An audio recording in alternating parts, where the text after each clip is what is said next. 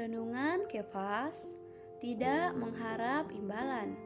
Ayat Alkitab Mazmur 23 ayat 1 berkata, Mazmur Daud, Tuhan adalah gembalaku, takkan kekurangan aku.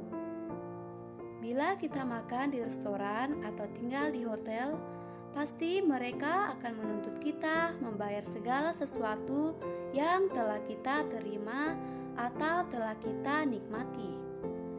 Menurut kamu, bagaimana dengan Tuhan yang telah memberikan pemberian pengampunan dosa kepada kita? Allah bukanlah Allah yang kikir. Ia tidak hanya memberikan satu atau dua macam benda kepada manusia, melainkan segala sesuatu diberikan untuk dinikmati manusia.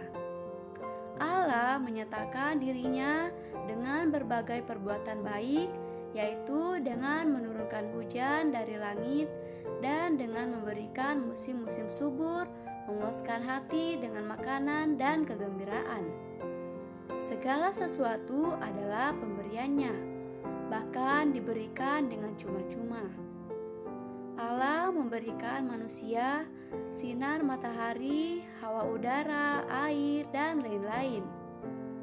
Sobat Kefas, jika Tuhan meminta bayaran, tidak seorang pun yang mampu membayar. Semua itu diberikan kepada manusia dengan cuma-cuma, dan Allah tidak pernah memperhitungkannya dengan manusia. Kita perlu menjadi orang yang bermurah hati terhadap orang lain dan dengan rela membagi berkat kepada orang yang ada di sekitar kita. Mari kita berdoa. Tuhan Yesus, Engkaulah kemurahan hati.